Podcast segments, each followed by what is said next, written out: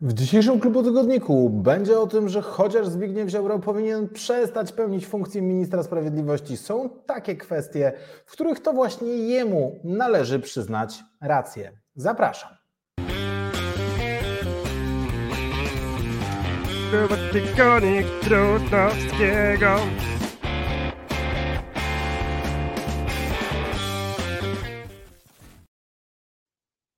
Ja nazywam się Piotr Trudnowski, to jest Klubu Tygodnik na kanałach Klubu Jagiellońskiego na YouTube i na platformach podcastowych. W związku z tym, że zostały dwa tygodnie tego roku, to chciałem Was bardzo serdecznie poprosić o końcoworoczne wsparcie finansowe Klubu Jagiellońskiego. Możecie wejść na naszą stronę internetową, wybrać tam zakładkę Wesprzyj i przekazać nam darowiznę, wybierając jakiś cel szczegółowy, na przykład rozwój Klubu Tygodników i Szanownego Państwa na YouTubie, albo na przykład nasze podcasty, albo portal, albo inną formę naszej działalności. Możecie też dokonać bezpośrednio przelewu na nasze konto, dopisać tam jako cel szczegółowy Waszej darowizny na cele statutowe jakieś konkretne działanie w Klubie Jagiellońskim, które szczególnie Wam się podoba. Mówię o tym dlatego, że jest koniec roku i wiele osób myśli o tym, jakie podatki za 2022 rok przyszło mu zapłacić albo przyjdzie mu dopłacić. No i warto pamiętać o tym, że Klub Jagielloński jest organizacją pożytku publicznego. Jeżeli przekazujecie nam darowizny, to będziecie je mogli odliczyć od podstawy opodatkowania. Dzięki temu za 2022 rok zapłacicie niższy podatek, będziecie mogli sobie w rozliczeniu całorocznym te pieniądze przekazane naszej organizacji odliczyć od podstawy. To mam nadzieję dla niektórych z Was będzie zachęcające i sprawi, że większa, większa liczba osób stwierdzi, że dobry moment, by wreszcie klubowi to wsparcie przesłać. Tymczasem w dzisiejszym odcinku chciałem zająć się oczywiście polityczną bieżączką, bo dzieje się bardzo dużo, ale spróbować spojrzeć na nią z szerszej perspektywy e, i spróbować zastanowić się nad tym, skąd wziął się problem, w którym się znaleźliśmy w relacjach z Unią Europejską, kto zawinił, kto tworzy te problemy, ile racji jest po stronie Mateusza Morawieckiego, ile racji jest po stronie Zbigniewa Ziobry, ile winy jest po stronie Polski, a ile winy jest po stronie Unii Europejskiej. Oczywiście jesteśmy świeżo po głosowaniu wotum nieufności dla Zbigniewa Ziobry z trudem, ale został jednak wybroniony poza prawem i sprawiedliwością. Nie było chętnych do stawania po stronie e, Zbigniewa Ziobry. E, Paweł Kukiz zagłosował za jego odwołaniem. Koło poselskie Polskie Sprawy wstrzymało się odgłosu. Nie było widać tych chętnych do wspierania Ziobry, ale jednak przeważyła kalkulacja o stabilności koalicji i chęci utrzymania większościowego rządu po stronie e, prawicy. E, z drugiej strony, chwilę później pojawił się projekt, który ma zmienić nasze relacje z Brukselą. Kolejny projekt dotyczący sądownictwa, projekt, który ma jeszcze bardziej, jeszcze głębiej realizować oczekiwania Unii Europejskiej dotyczące e, sędziów, praworządności, odpowiedzialności dyscyplinarnej, badania tego, czy są prawidłowymi sędziami e, i tak dalej. Pojawił się ten projekt krótko po tym, jak przegłosowano wotum zaufania, no nie przegłosowano wotum nieufności, dokładnie rzecz ujmując, dla Zbigniewa Ziobry. E, minister Szynkowski-Welsenk ogłosił, że to kompromis ustalony z komisarzami Unii Europejskiej, że przyjęcie tej ustawy to zielone światło dla wypłacenia Polsce funduszy z Krajowego Planu Odbudowy. W związku z tym y, mamy w czwartek dyskusję na temat tego projektu w Sejmie. Kolejna ostateczna decyzja w Sejmie ma zapaść w przyszły wtorek. Najbliższe dni będą pod znakiem zapytania, pod kilkoma znakami zapytania. Po pierwsze, co ostatecznie zrobi Zbigniew Ziobro? Po drugie, czy ta ustawa przejdzie przez Sejm? Co zrobi opozycja? Czy zagłosuje razem z PiSem? Czy wreszcie te pieniądze zostaną Polsce wypłacone po tym, jak ustawa zostanie przegłosowana. To będą najważniejsze polityczne emocje aż do świąt, a pewnie tak naprawdę do stycznia, do połowy pierwszego miesiąca 2023 roku, bo pewnie potrwa to jednak kilka e, tygodni i będą te reperkusje tych głosowań za nami cały czas chodziły. Ale ja starałem się spojrzeć na tę sprawę w szerszym kontekście. E, znalazłem sobie sześć e, punktów, które moim zdaniem składają się na tą historię, w której jesteśmy w tej chwili. No i przy każdym z tych punktów zastanowiłem się nad tym, kto ma więcej racji: Mateusz Morawiecki czy Zbigniew Ziobro. Jak pewnie wiecie, jak się domyślacie, również nie należę do tych, którzy chcieliby Zbigniewa Ziobry bronić, raczej należę do jego zdecydowanych krytyków. Wolałbym, żeby polska prawica miała twarz Mateusza Morawieckiego czy Andrzeja Dudy, niż twarz Zbigniewa Ziobry i Jacka Kurskiego ale jednocześnie patrząc, im dłużej trwa ten konflikt, mam wrażenie, że są takie kwestie, w których należy jednak oddać sprawiedliwość Solidarnej Polsce i temu środowisku. Dlatego staram się dzisiaj w taki e, możliwie neutralny sposób ocenić konkretne punkty i konkretne argumenty, a po tych sześciu punktach, które analizuję, kilka wniosków, mam nadzieję, że zmieścimy się w dziesięciu punktach. Pierwsza i podstawowa kwestia, skąd wzięło się całe to zamieszanie, skąd wzięło się to całe piekło? Otóż wzięło się z reform y, sądowych, trybunalskich, wymiaru sprawiedliwości, które Prawo i Sprawiedliwość od początku, od 2015 roku razem ze Zbigniewem Ziobrą, przede wszystkim w wersjach suflowanych przez Zbigniewa Ziobrę, przeprowadzało. Z perspektywy czasu można powiedzieć właściwie jednoznacznie, te reformy były nieudane, te reformy nie przyniosły oczekiwanych skutków, te reformy nie sprawiły, że polski wymiar sprawiedliwości jest w lepszej kondycji, nie sprawiły, że lepiej działa Trybunał Konstytucyjny, Sąd Najwyższy, sprawiły, że Polacy mają jeszcze mniejsze zaufanie do tych instytucji, sprawiły, że decyzje, czy to w Trybunale Konstytucyjnym, czy rozprawy w sądach trwają i jeszcze dłużej, jeszcze dłużej czeka się na sprawiedliwość, że e, pewność prawa jest niższa niż kiedykolwiek wcześniej, bo Polacy zadają sobie pytanie, czy jak przyjdzie inna władza, to nie wydarzy się kolejna rewolucja w wymiarze sprawiedliwości, która będzie kazała to wszystko, co zapadło w ostatnich latach, ustalać od nowa bilans reform wymiaru sprawiedliwości, jeśli chodzi o rządy Prawa i Sprawiedliwości, jest po prostu tragiczny. I mówię to jako osoba, która konkretnych rozwiązań, konkretnych reform była gotowa bronić, była w stanie samego, samej diagnozy prawicy dotyczącej wymiaru sprawiedliwości była skłonna bronić, bronić, która agresywnie reaguje e, na te narracje kodziarsko-wolnosądowe o tym, że każda zmiana, każda próba zreformowania wymiaru sprawiedliwości e, to jest zamach na demokrację, konstytucję i nie wiadomo co jeszcze. Ja uważam, że szereg tych przeprowadzonych zmian broni się na poziomie konstytucyjnym. Uważam, że władza wykonawcza i ustawodawcza miała prawo je przeprowadzać, ale cóż z tego, skoro ostateczny efekt jest tragiczny. Na tym polega największy problem. Tutaj zdecydowanie nie ma racji Zbigniew Ziobro. Tutaj rację ma Mateusz Morawiecki, który w jednym z wywiadów mówił ostatnio właśnie o tym, że bilans tych reform jest bardzo zły i sytuacja jest jeszcze gorsza niż była przedtem. Tutaj zdecydowanie punkt po stronie Mateusza Morawieckiego, a to przecież te reformy sądowe są zarzewiem konfliktu i powodem, dla którego dzisiaj musimy walczyć o te pieniądze w Unii Europejskiej. No i niestety po drodze wydarzył się cały szereg niezbyt mądrych i niezbyt dobrych rzeczy. Punkt drugi. Co to jest Krajowy Plan Odbudowy? Czym są te unijne pieniądze? Czym jest zasada warunkowości? O co w tym wszystkim chodzi i kto tutaj ma rację? Patrzymy w polskiej debacie publicznej i chyba nie tylko w Polsce na te pieniądze z KPO jako oczywistość. Unia Europejska była w ciężkiej sytuacji w związku z kryzysem. Wszystkie państwa potrzebowały dodatkowych pieniędzy, dodatkowych inwestycji w związku z lockdownami w związku z COVID-em wszyscy zdecydowali się na to, że te wspólne pieniądze na odbudowę będą potrzebne.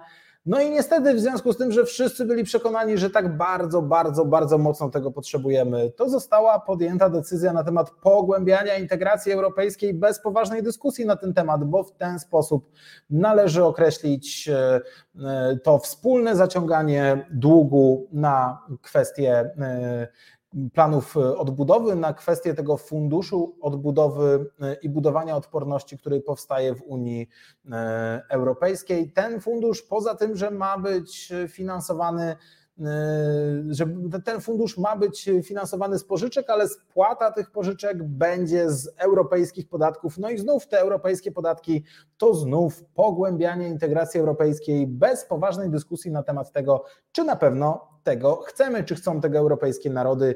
Pieniądze przykryły nam decyzje o wymiarze ustrojowym, instytucjonalnym Za tym poszły nowe mechanizmy nacisku Brukseli na państwa członkowskie. Dzisiaj dotyczy to Polski i Węgier, za kilka lat te precedensy będą wykorzystywane wobec innych państw. Tej dyskusji zabrakło, tej rozwagi zabrakło E, przekonanie o potrzebie pieniędzy po pandemii przykryło wszystko inne. No i niestety należy tutaj przyznać Zbigniewowi Ziobrze i politykom Solidarnej Polski rację, że w tych kwestiach to oni są bliżej e, rzeczywistości, to oni słusznie punktują, że te decyzje nie były do końca przemyślane i nie do końca mieliśmy mandat y, do tego, żeby je podejmować, bo po prostu kiedy brakuje publicznej dyskusji, to trudno powiedzieć o tym, że istnieje jakiś społeczny mandat do podejmowania konkretnej decyzji.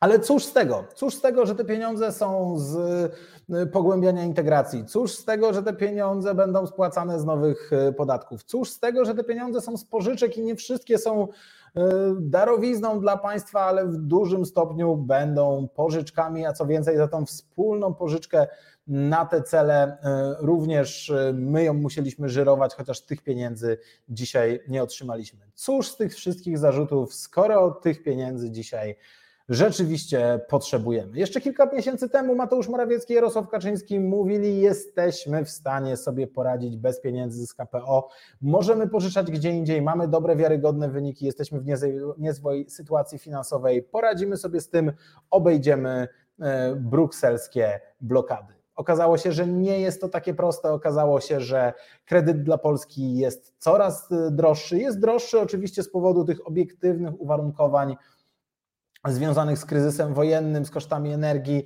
ale również związany jest z tym, że no właśnie nasza wiarygodność jest mniejsza w momencie, w których pieniędzy z Krajowego Planu Odbudowy nie mamy. Pieniędzy zaczęło brakować, no i trzeba było podjąć decyzję o tym, że z Brukselą należy się przeprosić. Potrzebujemy tych pieniędzy, są nam niezbędne do tego, żeby bolesne skutki kryzysu nie dotknęły całego społeczeństwa, by nie dotknęły w brutalny sposób tych najbardziej e, potrzebujących. To zrozumiałe. Rację ma tutaj Mateusz Morawiecki, rację ma Jarosław Kaczyński mówiący dzisiaj naprawdę tych pieniędzy potrzebujemy. Co więcej, y, mamy taką retorykę Zbigniewa Ziobry o tym, że wszystkie te kamienie milowe to są jakieś wymysły Brukseli, że to jest odbieranie Polsce suwerenności, że to jest zamach na niezawisłość naszej polityki, zamach na demokratyczne instytucje. Broniąc się przed wotum nieufności, Zbigniew Ziobro mówił o tym w Sejmie.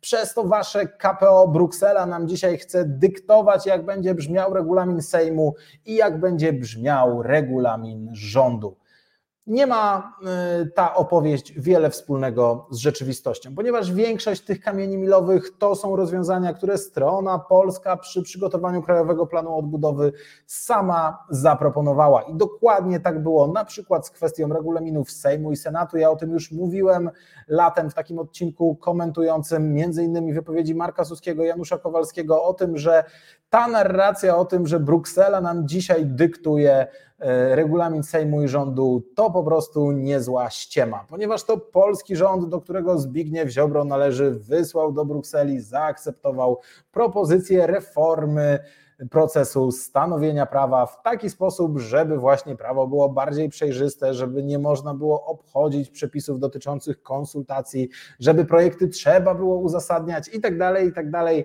To dobry projekt. My zresztą w konsultacjach publicznych sami to postulowaliśmy w postulatach Klubu Jagiellońskiego w raporcie, który wtedy wydaliśmy. Znalazły się te pomysły kilka tygodni później, znalazły się w propozycji rządowej. Być może mieliśmy w to jakiś wkład. Nie mamy tutaj żadnego oficjalnego, twardego feedbacku, ale powinniśmy cieszyć się z tego, że takie rozwiązania są, bo one powinny zmotywować polską władzę do tego, żeby te kwestie rozwiązać. I tak zasadniczo jest z kamieniami milowymi, że większość z nich to są pomysły, które proponowała strona polska. To nie jest tak, że to wszystko zostało narzucone nam z Brukseli. Choć oczywiście są takie punkty, które gdzieś pojawiły się w jakichś tajemniczych negocjacjach. Niemniej w tej opowieści o tym, że poprzez KPO e, Unia chce radykalnie ingerować w polską suwerenność, to jest nieprawda. Tutaj rację ma Mateusz Morawiecki, minister Szynkowski-Welsenk, inni politycy politycy e, obozu rządzącego, ci bardziej proeuropejscy, Zbigniew Ziobro się myli i retorycznie fauluje.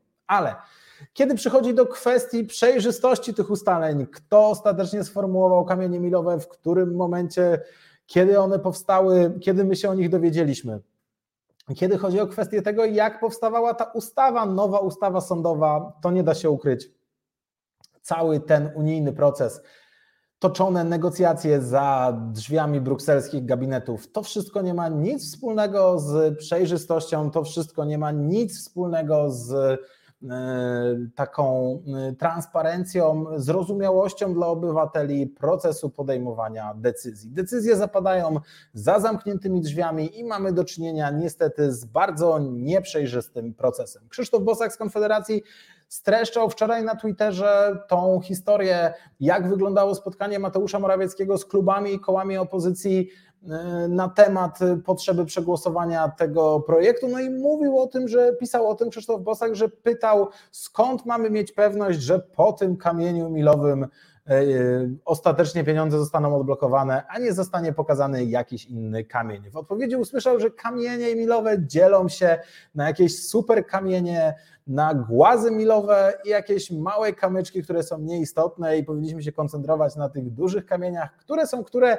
nikt tego nie wie, skąd mamy o tym wiedzieć, które powinniśmy spełnić, a które mogą poczekać, żeby były odblokowane pieniądze.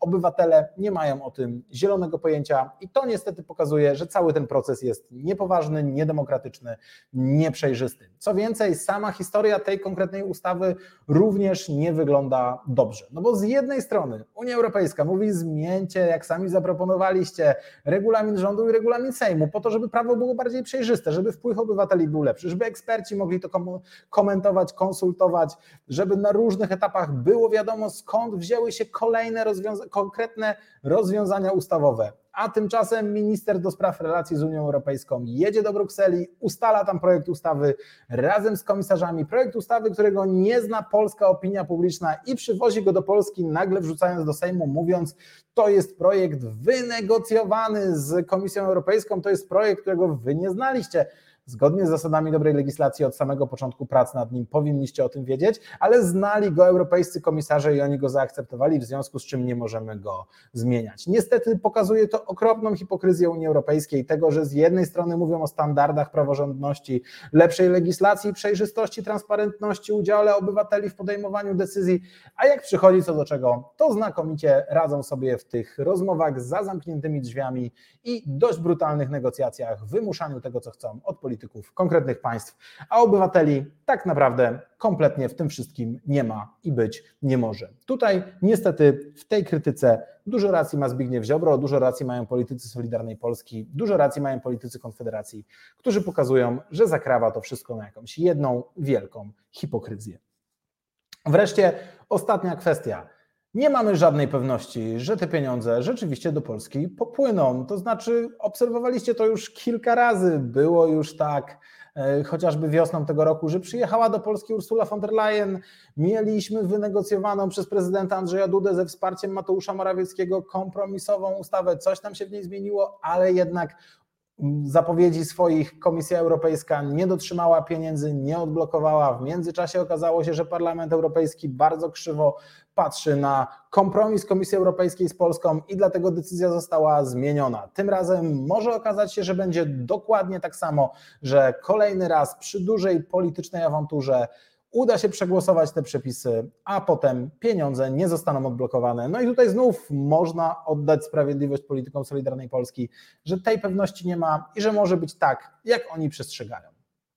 Podsumowując to wszystko, można powiedzieć, że te racje dzielą się mniej więcej pół na pół w sprawach polityki krajowej, w sprawach oceny wymiaru sprawiedliwości, w sprawie oceny tego, czy zasadniczo te reformy z KPO Polsce by się przysłużyły, w sprawie tego, e, czy my tych pieniędzy z KPO potrzebujemy. Rację ma Mateusz Morawiecki, ale w sprawach dotyczących tego, w jaki sposób cała ta procedura wygląda. Czy Unia Europejska gra fair, czy nie fauluje? Niestety, ale w coraz większym stopniu mam wrażenie, że rację ma Zbigniew Ziobro i w żadnym stopniu mnie to nie cieszy, bo naprawdę nie chciałbym antyunijnej, antyeuropejskiej e, prawicy w Polsce nie chciałbym, żeby polska prawica miała twarz Zbigniewa Ziobrę. No ale cóż zrobić, skoro Unia Europejska prowadzi taką politykę, że to Ziobro coraz częściej okazuje się mieć rację. Tak naprawdę, pomimo tego, że Unia Europejska Wygląda jak wygląda, działa jak działa, to dzisiaj powinniśmy trzymać kciuki za to, żeby te pieniądze do Polski popłynęły. Powinniśmy głośno mówić o tym, że potrzeba jej reformy, że nie możemy się zgadzać na taką hipokryzję, że potrzebujemy równego traktowania państw członkowskich i tak dalej, i tak dalej, no ale jednocześnie grać o to, by te pieniądze do Polski popłynęły, no bo inaczej pozostaną nam tylko romantyczne manifestacje i gardzenie pieniędzmi, mówienie my bez tych pieniędzy sobie poradzimy, ale nie będziemy się uginać pod nieuczciwymi zasadami. Realizm polityczny każe współpracować z Brukselą, ale jednocześnie nie możemy zapominać o tym, że ta współpraca jest coraz to coraz trudniejsza. Na koniec wnioski, prognozy, to czego się y, spodziewam. Po pierwsze, rzecz, o której należy powiedzieć, ta ustawa jest dziwna. Ta ustawa o Sądzie Najwyższym i y, odpowiedzialności y, dyscyplinarnej sędziów przenosząca de facto odpowiedzialność, sprawy dotyczące odpowiedzialności dyscyplinarnej sędziów do Naczelnego Sądu Administracyjnego jest dziwna. Pomysł, żeby przenieść to właśnie do NSA budzi poważne wątpliwości. Nikt się chyba tego e, nie spodziewał. Wydaje się, że ta ustawa w tych wszystkich pomniejszych kwestiach dotyczących kontroli tego, czy sędziowie są prawidłowymi sędziami, raczej będzie spełniała oczekiwania Brukseli, ale ten pomysł NSA wydaje się czymś dziwnym. Wydaje mi się, że pomimo tych wątpliwości ta ustawa powinna przejść przez Sejm. Sprzeciw Zbigniewa Ziobry nie będzie tutaj grał kluczowego znaczenia. Myślę, że ostatecznie co najmniej Polskie Stronnictwo Ludowe zagłosuje za tym projektem. Pozostała część opozycji częściowo zagłosuje, częściowo raczej wstrzyma się od głosu. Być może której z ugrupowań zdecyduje się na zagłosowanie przeciw, poza oczywiście Konfederacją, której powinniśmy sprzeciwu się tutaj e, spodziewać, ale tak naprawdę ale tak naprawdę e, raczej ta ustawa nie wydaje się zagrożona, no bo nikomu na scenie nie opłaca się być tym, przez którego kompromis z Komisją Europejską cały czas nie został e, osiągnięty. Ale czy to oznacza, że ta ustawa wejdzie w życie i ona będzie w pełni obowiązywała? No ja tutaj jestem rzeczywiście otwarty na pewnego rodzaju myślenie e, spiskowe. To znaczy, wydaje mi się, że ten pomysł z NSA może być wykorzystany jako taki dodatkowy punkt, który będzie pozwalał tą ustawę jakoś wstrzymywać, blokować i wykorzystywać ten czynnik do dalszych negocjacji z e, Komisją Europejską. Mianowicie, jeżeli Komisja Europejska nie będzie chciała odblokować środków, to zawsze będzie można ten projekt wysłać do Trybunału Konstytucyjnego, no i tam będzie można spodziewać się tego, że tą reformę wynegocjowaną z Brukselą e, znów będzie można cofnąć, bo tak zdecyduje e, w sposób, jak się wydaje, uzasadniony Trybunał Konstytucyjny, ponieważ ten pomysł z NSA budzi poważne konstytucyjne wątpliwości. Z drugiej strony przecież nie wiadomo jeszcze do końca, co zrobi prezydent Andrzej Duda.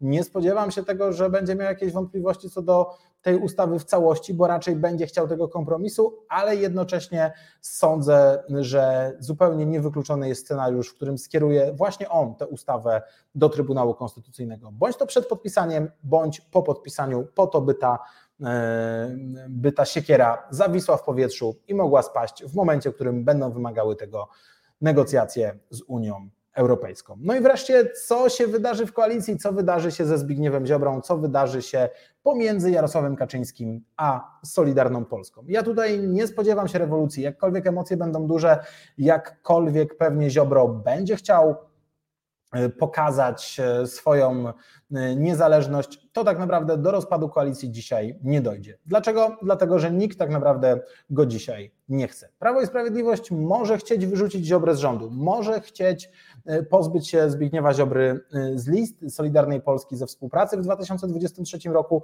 ale tą decyzję Jarosław Kaczyński podejmie moim zdaniem w marcu lub kwietniu, kiedy będziemy po zimie, kiedy będziemy wiedzieli jakie są nastroje społeczne, jakie jest poparcie dla PiSu. Wtedy Jarosław Kaczyński podejmie tę decyzję. Jeżeli będzie uważał, że wybory są do wygrania, że poparcie jest takie jak dzisiaj, w granicach 35-37 punktów procentowych, że płyną pieniądze z Krajowego Planu Odbudowy, że jest lato, robi się cieplej, ludzie są w lepszych nastrojach, będzie uważał, że wybory są do wygrania, to wtedy Zbigniew Ziobro znajdzie się na listach i będzie miał dobre pozycje na tych listach, bo po prostu te pojedyncze punkty procentowe będą decydowały o tym, kto będzie rządził po jesieni 2023 roku. Natomiast jeżeli okaże się, że zima rzeczywiście ostatecznie okaże się politycznie trudna dla PiSu, nastroje spadną, poparcie będzie gdzieś w granicach 30% dla PiSu, wtedy Jarosław Kaczyński pewnie będzie świadom tego, że zwycięstwo jest już niemożliwe i że nie ma potrzeby utrzymywania przy życiu Zbigniewa Ziobry i tak naprawdę w możliwie najpóźniejszym momencie